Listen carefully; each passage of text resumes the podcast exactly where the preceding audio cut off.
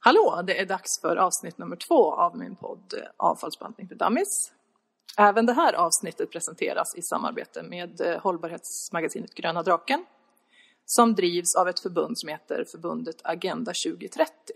Och det syftar på FNs hållbarhetsmål som handlar om social, ekonomisk och ekologisk hållbarhet. Välkomna!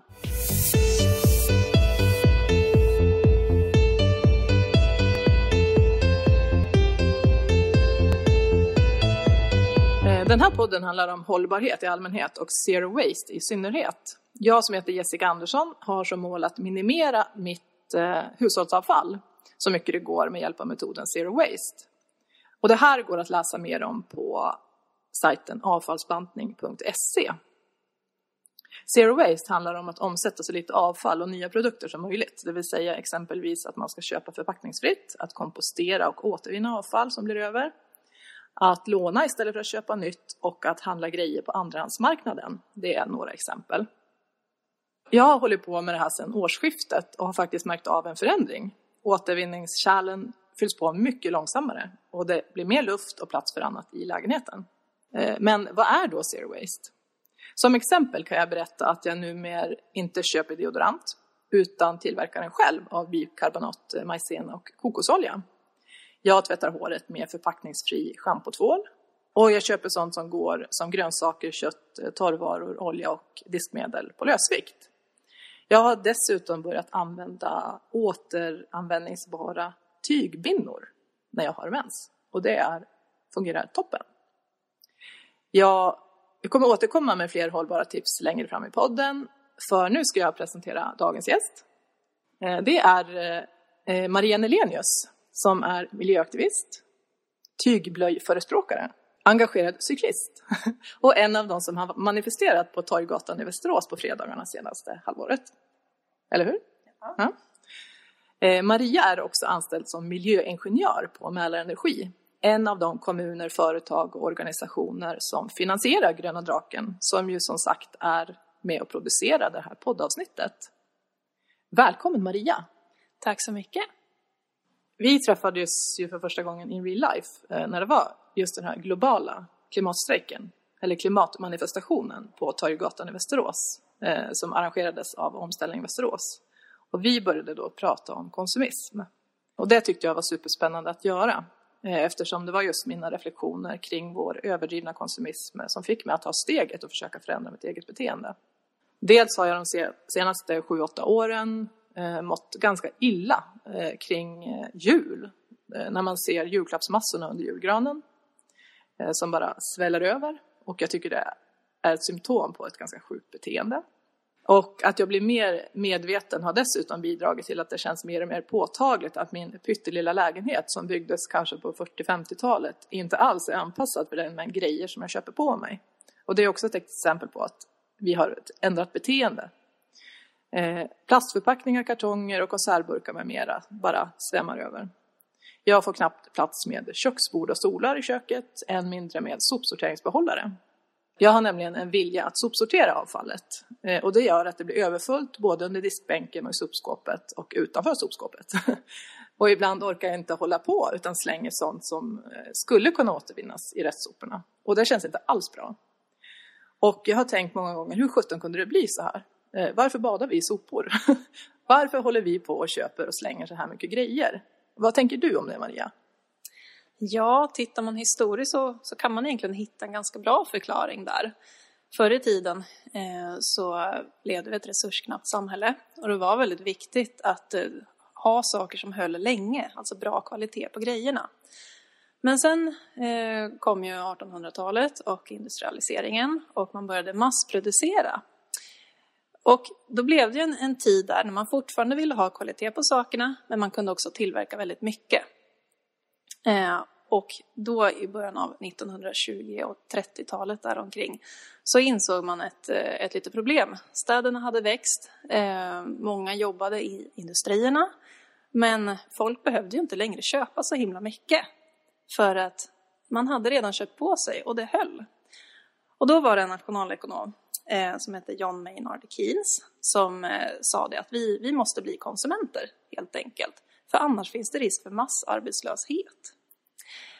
Eh, och eh, det var väl lite där och då som slit och släng-samhället egentligen började.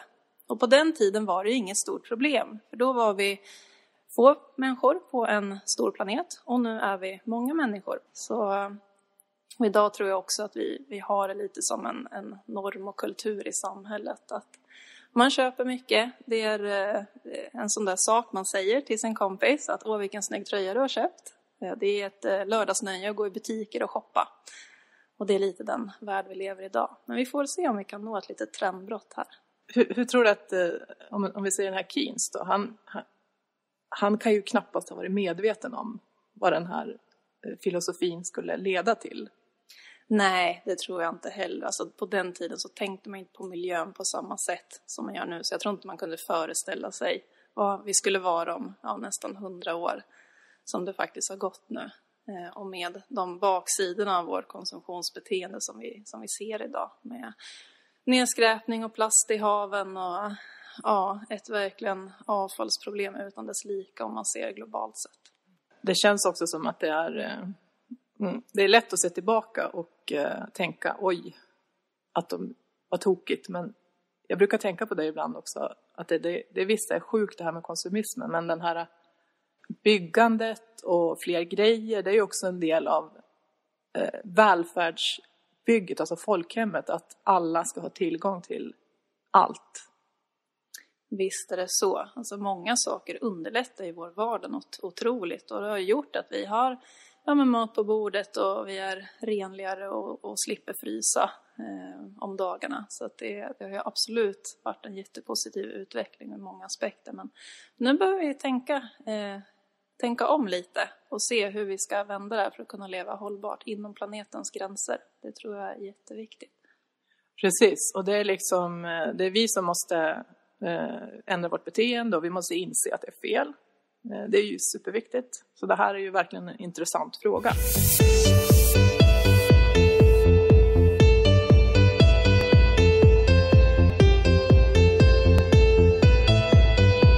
Vi sitter ju här på en speciell plats, nämligen kraftvärmeverket i Västerås. Och möjligtvis, det kanske inte hörs, men vi har fönstret öppet så att kanske hör, hör ni bilar tuta och eh, det rör sig lite utanför. Eh, du kanske kan berätta lite mer Maria, vad är det som händer utanför fönstret? Ja, precis. Alltså på kraftvärmeverket så tar vi emot bränsle eh, och tillverkar el och fjärrvärme av det och levererar ut till, till västeråsarna som nyttigheter. Så det är en av de saker som, som Mälarenergi gör. Vi gör ju ganska mycket faktiskt. Det är ju som sagt el och fjärrvärme, men det är också fjärrkyla.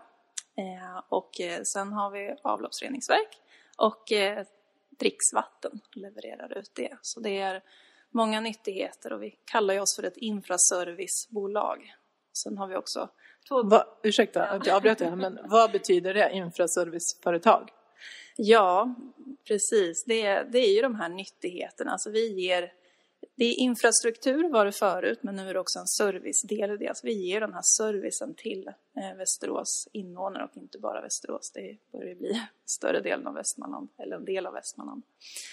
Eh, så det är sånt som är egentligen ganska livsnödvändiga eh, nyttigheter som alla invånare behöver och det tillhandahåller vi som ja, infraservice helt enkelt. Ja, och eh, du nämnde ju det med all energi eh, som driver Kraftvärmeverket som är din arbetsgivare. Berätta lite mer om ditt jobb. Precis, jag är då miljöingenjör här eh, och eh, det jag sysslar mycket med är eh, att se till att eh, vi inte har mer miljöpåverkan än nödvändigt från vår verksamhet. Eh, håller koll mycket på våra eh, emissioner, våra utsläpp, så att det håller sig Eh, inom vårt miljötillstånd och håller koll på att vi följer alla regler och lagar eh, som finns. Om inte jobbar mycket att räkna, så jag beräknar utsläpp och eh, vår miljöpåverkan kan man säga. Och försöker med ständiga förbättringar ja, minska vår miljöpåverkan hela tiden.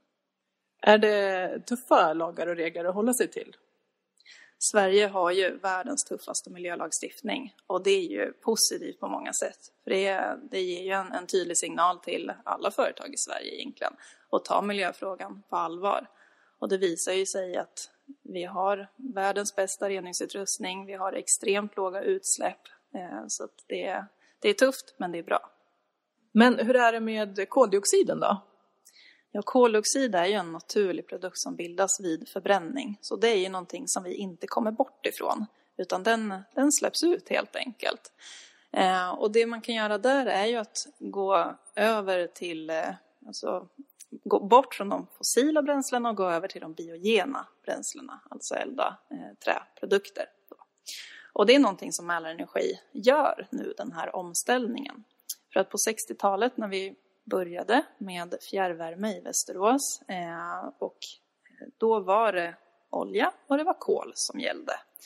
Och den, det var 100% fossilt fram till 2000 när vi tog den första biobränslepannan i drift. Så där och då började vår omställning. Och sen 2014 så kom eh, den här avfallspannan och i höst så kommer vi ta i drift block 7 som eh, kommer elda återvunnet trä. Och eh, då kommer vi kunna stänga ner de sista pannorna som eh, har eldat då kol och olja. Och vi kommer bestå av 100% förnybara och återvunna bränslen. Tyvärr så är det ju fortfarande en, en fossil andel kvar i avfallet. Och det är ju någonting som vi på Mälarenergi inte kan styra över. Utan det är vad du lägger i din soppåse hemma. Så lägger du plasten i brännbart, ja då släpper vi ut fossil koldioxid här. Men om du däremot lägger det i källsorteringen och återvinner det, ja då kan vi tillverka ny plast av det som används i samhället. Och eh, vi här då får eh, mindre fossil koldioxid. Men det är ju också så att atmosfären bryr sig inte riktigt om ifall det är fossil eller biogen koldioxid som släpps ut. Så för klimatet är det ju lika illa, men man kan ju ersätta skog med ny skog. Och det, det ingår ju på så sätt i det naturliga kretsloppet.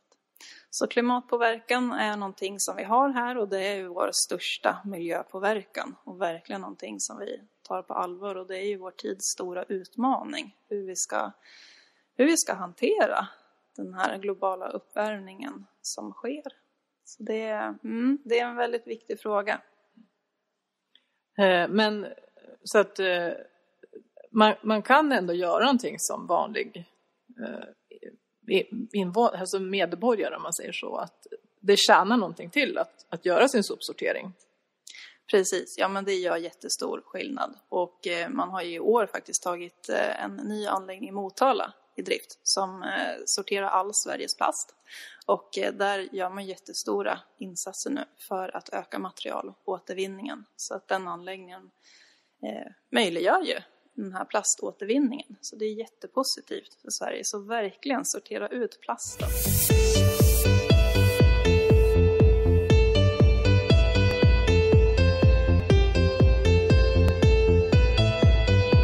Eh, passa på att fråga en till fråga också här. Att, eh, här under hösten 2018 eh, och eh, eh, ja, vintern så har ju liksom den här klimatrörelsen och aktivismen mot eh, i klimatkrisens spår eh, fullkomligt exploderat. Vad, vad tycker du om det?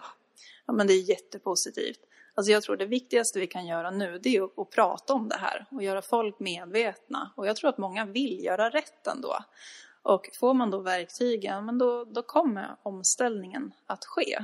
Ehm, så att eh, jag tar varje tillfälle i akt och prata om det här. Så det är jättekul att få göra podcast eh, med det för att sprida det här budskapet. Och jag tror också jätteviktigt att vara med på de här fredagsmanifestationerna träffa andra lite likasinnade eller få bra tips från andra vad de gör och visa eh, allmänheten och politikerna, samhället att, att vi bryr oss. Vi är jättemånga invånare som, som känner eh, en oro över vad som ska hända med Moder Jord och det här klimatet. Det är ju vår livsförutsättning här på jorden. Vi pratar om eh, vad man kan göra och eh, det här med zero waste som jag nu försöker, det, eller som jag nu har som projekt det här året för att eh, puffa mig själv i rätt riktning. En sån grej att eh, minska sitt eget hushållsavfall och eh, inte använda plastpåse och göra förpackningsfritt och sådär. Det har ju ganska liten påverkan på klimatet om man säger det stora hela. Och vissa tycker att det är lite fånigt, men jag tycker att ändå det är ett, eh, ett, rätt steg, ett steg i rätt riktning att gå, om man säger så, som vanlig konsument. Men det finns ju andra saker man kan göra också. Eh, vad, vad, tycker du? Vad är liksom det bästa man kan göra som vanlig människa, vanlig liten människa, för eh, klimatet? Ja, det är ju ändå att minska de direkta fossila koldioxidutsläppen, tänker jag. Eh, så personligen så kör jag flygfritt, har gjort i eh, två år nu. Eh, försöker att inte använda bilen utan jag cyklar och går vart jag än ska. Även fast det kan bli en cykelvurpa ibland. Sitter här med gipsad handled. Men det är smällar man får ta som klimatengagerad. Eh, nej, och, och, cykel är ju positivt ur så många aspekter. Jag tror verkligen på att hitta det här win-win. Det blir tungt att göra allting bara för miljöns skull. Men hittar man de här andra värdena i det också, typ att det är billigare, eh, att man får frisk luft eh, och eh, bättre hälsa Eh, då blir det lättare att hålla i de här goda vanorna. Och jag tror ändå att man måste börja med sig själv. Eh, och när man har gjort en liten resa själv, då kan man som sagt börja med att prata med sin omgivning mer och få mer, fler folk med på tåget helt enkelt mot den här omställningen. För vi är ju många människor och de stora förändringarna sker när vi blir många tillsammans som tar tag i den här frågan. Och jag tror att vi kan, verkligen. Det tror jag också och jag tycker att det är lite fel att eh, säga att en människa kan inte påverka så mycket därför att då eh, med den filosofin som jag sa i förra podden som när jag intervjuade Vafabs Nathalie Lindqvist så sa jag det att då ska vi eh, använda den filosofin när vi röstar också. Då skulle ingen gå och rösta för att min röst spelar ingen roll. Eller om man ser på hur arbetarrörelsen, alltså hur man förändrade livsvillkoret för väldigt många människor i ett land som Sverige. Eh, hade man tänkt så att ja, det jag gör, det har ingen betydelse. Men där gick ju folk samman och gjorde en stor förändring. Eh, så att vi, vi får inte förminska oss själva utan eh, tänk istället, och som Heidi Andersson också som är en, en förebild tycker jag, hon ställer om till fossilfritt. Hon, hon eh, påpekar ju det att det är jätteviktigt att varje människa inser att man faktiskt eh, kan göra någonting och att man måste börja med sig själv. Men det här är eh, andra avsnittet av den här podden som heter Avfallsbantning för dummies. Och avsnittet eh, sponsras av hållbarhetsmagasinet Gröna Draken som hamnar i västmanländska brevlådor fyra gånger per år. Den finns också som e-tidning.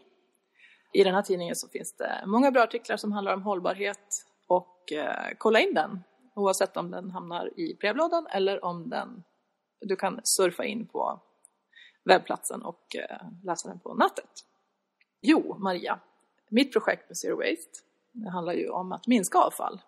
Och eh, Mälarenergi tar ju emot stora mängder restavfall och gör till energi, bränner och gör till energi. Och det måste ju vara ganska bra business för er. Att, jag menar, det är rätt bra med sopor, tycker ni va? Ja, både ja och nej. Det finns inget jätteenkelt svar på den här frågan, men eh, jag ska försöka förklara lite hur, hur vi ser på saken. Alltså, vi jobbar ju mycket efter, efter avfallstrappan som säger att allra helst så ska vi inte ha något avfall överhuvudtaget. Vi ska minimera avfallsmängderna. Eh, men det är inte helt lätt alla gånger, eh, så att det samhället gör då det är att försöka materialåtervinna. Det vill säga att man sorterar ut sina mjölkförpackningar till exempel så man kan göra nya mjölkförpackningar av det. Eh, och eh, när inte det går heller så kan man energiåtervinna då. och det är det som eh, vi gör här. Och allt material går inte heller att energiåtervinna utan då är det deponi som är det sista steget. Och man kan tänka så här att Västerås kommer alltid behöva fjärrvärme och el, eh, så det måste produceras på något sätt. Och då tycker vi att det är bättre att ta tillvara på den energin som finns i restavfallet och ändå göra nyttigheter av det. För alternativet är ju att vi ska använda biobränsle, alltså ren skog då, och det är ju sämre. Utan skogen ska vi använda till, ja, till träprodukter i första hand. Så vi ser det som en, eh, en kvittblivningstjänst. Alltså, vi västeråsare har vår soppåse som vi vill bli av med och då säger Mälarenergi att absolut, vi tar hand om den. Eh, och tillbaka så får du el och fjärrvärme. Men det som är väldigt viktigt att komma ihåg är att vi vill bara ha in den brännbara restfraktionen och ingenting annat. Så vi vill inte ha in ditt bananskal som ska bli biogas av. Vi vill inte ha in äggkartonger som ska bli nya äggkartonger. Och vi vill inte ha in din eh, tröja som bara sitter lite dåligt för den ska du sälja istället eller ge bort till någon kompis som den sitter mycket bättre på. Så att det är väldigt viktigt att komma ihåg. Den brännbara restaurationen vill vi få in eh, och ingenting annat. Och vi ser ju idag att eh, det är bara en tredjedel av det vi får in som är rätt sorterat. Så två tredjedelar borde bort.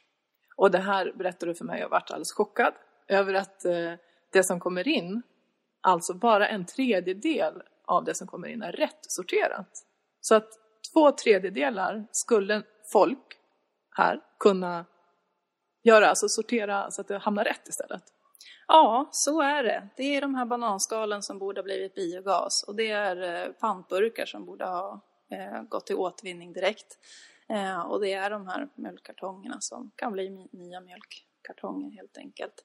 Så det, ja, det är tyvärr lite tråkigt. Jag skulle vilja säga skärpning, alla västmanlänningar som, som har Mälarenergi, att sopsortera det mer. Alltså det är ju det är bara onödigt att det kommer in. Och vi stod ju och Maria, Maria gav mig en liten rundtur här i kraftvärmeverket så att jag fick se hur utsorteringen gick till. Och eh, där sista, sista anhalten kan man säga, där var, när eh, soporna var eh, finfördelade och eh, det mesta hade sorterats ut. Bland annat så kom det ju videoband, VHS-band som bara sabbade hela, nej sabbade ju inte allt men det, det bara hängde där som trådar. Berätta var, varför blir det så? Ja, det är ju så att vi kan inte påverka någonting av vad, vad vi får in, utan det är ju vad, vad var och en slänger i sin soppåse. Och det är också så att vi får inte in kanske det som speglas av dagens samhälle, utan det som har varit för väldigt många år sedan. Och VHS-band är ju på väg att fasas ut och det är ju så att vi får ta emot det då. Eh, men de här långa banden, de trasslar in sig. Så har man sina VHS-band hemma så får man jättegärna då klippa upp egentligen den här videofilmen så att eh, det inte trasslar sig så mycket. Det är en sak man kan göra för att underlätta för oss. Och sen berättar, så berättar de en annan grej också som troligtvis kommer innebära problem framöver. Eh, och det är ju, vadå? Powerbanks är en sån sak som ju fullkomligt har exploderat användningen av i samhället nu. Och eh, när de här powerbanksen läggs i restavfallet, vilket man inte ska göra, det är elavfall, så eh, kommer det in till vår anläggning och det är lätt att det blir gnistbildning eh, och då orsakar små bränder eller att det blir väldigt varmt. och kan bli blivande bränder, så det vill vi absolut inte ha in i vår anläggning. Släng inte powerbanks i restsoporna, folks.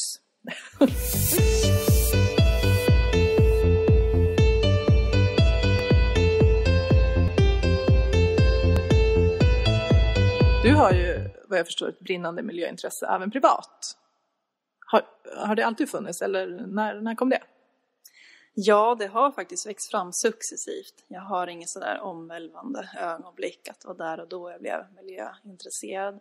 Utan jag har alltid gillat djuren och naturen och sen blev det väl lite av en chock ändå när det började gå upp för en att det håller på att förstöras. Och jag ser också för en, som en livsförutsättning för vårt trevliga liv som vi ändå har här på jorden idag. Att det är för att vi ska få mat och rent vatten eh, och ha liksom en, en, skog att besöka för att kunna plocka svamp, då måste vi ta hand om naturen. Så det är som en självklarhet för mig. Och som jag nämnde tidigare så har du, är du en av de tappra västeråsare, som en liten skara men ändå tappra som har stått på och manifesterat på Torggatan på fredagarna de här manifestationerna började ju som många säkert känner till efter att aktivisten Greta Thunberg började med sin eh, skolstrejk på fredagar utanför riksdagshuset innan valet. Eh, du Maria, du har ju ett Instagramkonto som heter Miljöingenjören där du berättar om din eh, vardag och dina val. Har du lust att bjuda på några hållbara vardagstips? Ja men absolut. Och nu har ju vi lite avfallstema här så att jag tycker att vi får, vi får satsa på sådana tips. Det är det jag har valt ut. Eh, och mitt första tips eh, det speglar ju då lite avfallstrappan. Att eh, vi ska ju inte slänga saker utan istället mer köpa, sälja, och byta med varandra. Och här måste jag säga att min man är en stor inspirationskälla. Han är verkligen expert på att, eh, att köpa saker och sälja saker, men bara på andrahandsmarknaden. Och ett lite roligt exempel var när vi hade flyttat. Eh, tidigare bodde vi i en lägenhet ganska högt i tak och hade plats för en stor taklampa. Och eh, den hade han gjort själv från att han hade blåst upp en pilatesboll och sen tagit tapetklister och sen så virat då eh, ett band runt så det blev ganska häftig ljusspridning. Fick vi inte plats med den i det nya huset för då blev det att man tjongade in med huvudet i den när man gick under den. Så då sa han det, äh, vi, vi får kasta den här nu, vi hivar den. Och skulle precis börja knyckla ihop den. Varpå jag säger, nej, vi säljer den. De här är ju moderna nu. Så vi la ut den för en hundring. Eh, och det tog, alltså det tog 30 sekunder så pling sa det, så hade vi en köpare och en timme senare hade vi sålt den. Den personen blev jätteglad, tyckte att den var jättesnygg eh, och vi fick en hundralapp. Perfekt! Bra grej! Eh, köpa, sälja, byta marknaden. Det är bra. Och det är zero waste också. Precis. Mm. Och eh, hade du några mer tips? Ja, om man eh, väntar barn eller har en liten bebis eh, så har jag ett jättebra tips. För jag har själv en liten 10 månaders där hemma som jag har kört babypotting med och tygblöjor ända sedan start. Och man kan väl säga att det här började med att jag insåg att engångsblöjor kommer bli dyrt. Jag är ganska snål av mig, så jag vill inte lägga pengar på det. Så då skaffade jag tygblöjor. Tänkte att det blir, det blir billigare.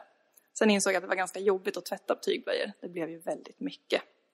Så då halkade jag in på babypotting, vilket innebär att man eh, sätter dem på potten från ja, så tidigt som möjligt. Så när han var två månader började jag med det här. Och eh, nu när han är tio månader så går det knappt åt en enda blöja. Han är oftast torr på nätterna. Eh, alltså och... nu måste jag bara uttrycka chock här. tio månader! Så... Och är alltså går på pottan? Ja, han har gått på pottan. I ja, snart åtta månader då. Nej. Jo. Och eh, man märker att han själv mår ju bra av det. Alltså han tycker om att sitta på pottan. Det är skönt. Han älskar det. Så där, där vet han att man mår alltid bättre efter att ha fått sitta där en stund. Wow. Ja, jag är imponerad, verkligen. Ja. Så det är, det är billigt och det är bra. Det är bra för miljön, det är bra för bebisen och det är skönt för mig att slippa sanera bebis och kläder och allt möjligt eh, gång på gång. För det är annars verkligheten när man kör engångsblöjor. Jag måste flika in med att säga att det här med, du sa att du är lite snål. Och det, det alltså ekonomiskt har det faktiskt blivit ett lyft för mig att uh, köra zero waste. Därför att jag planerar mina måltider noggrannare. Jag gör grejer från grunder oftare. Till exempel så kokar jag tomatsås som räcker aslänge. och uh, ja, det, det, har blivit, även om vissa grejer som pasta på, förpackningsfri pasta är dyrare än pasta på förpackning från ICA så, så, så, så jag vet inte riktigt vad det beror på om jag liksom använder mer, jag stänger mindre mat helt enkelt så att det har faktiskt blivit billigare. Tredje tips också, det, det är ju att omge sig av saker som har ett värde. Antingen ekonomiskt värde eller ett stort affektionsvärde. För då är jag ganska övertygad om att man tar hand om grejerna på ett helt annat sätt än om det är de här billiga eh, slit och släng sakerna. Eh, så jag tänker på, som hemma har jag ett gosedjur som jag själv växte upp med. Jag kan för mitt liv inte slänga det, utan det, det hänger kvar. Och nu är ju det min bebis gosedjur då, som han får fortsätta använda.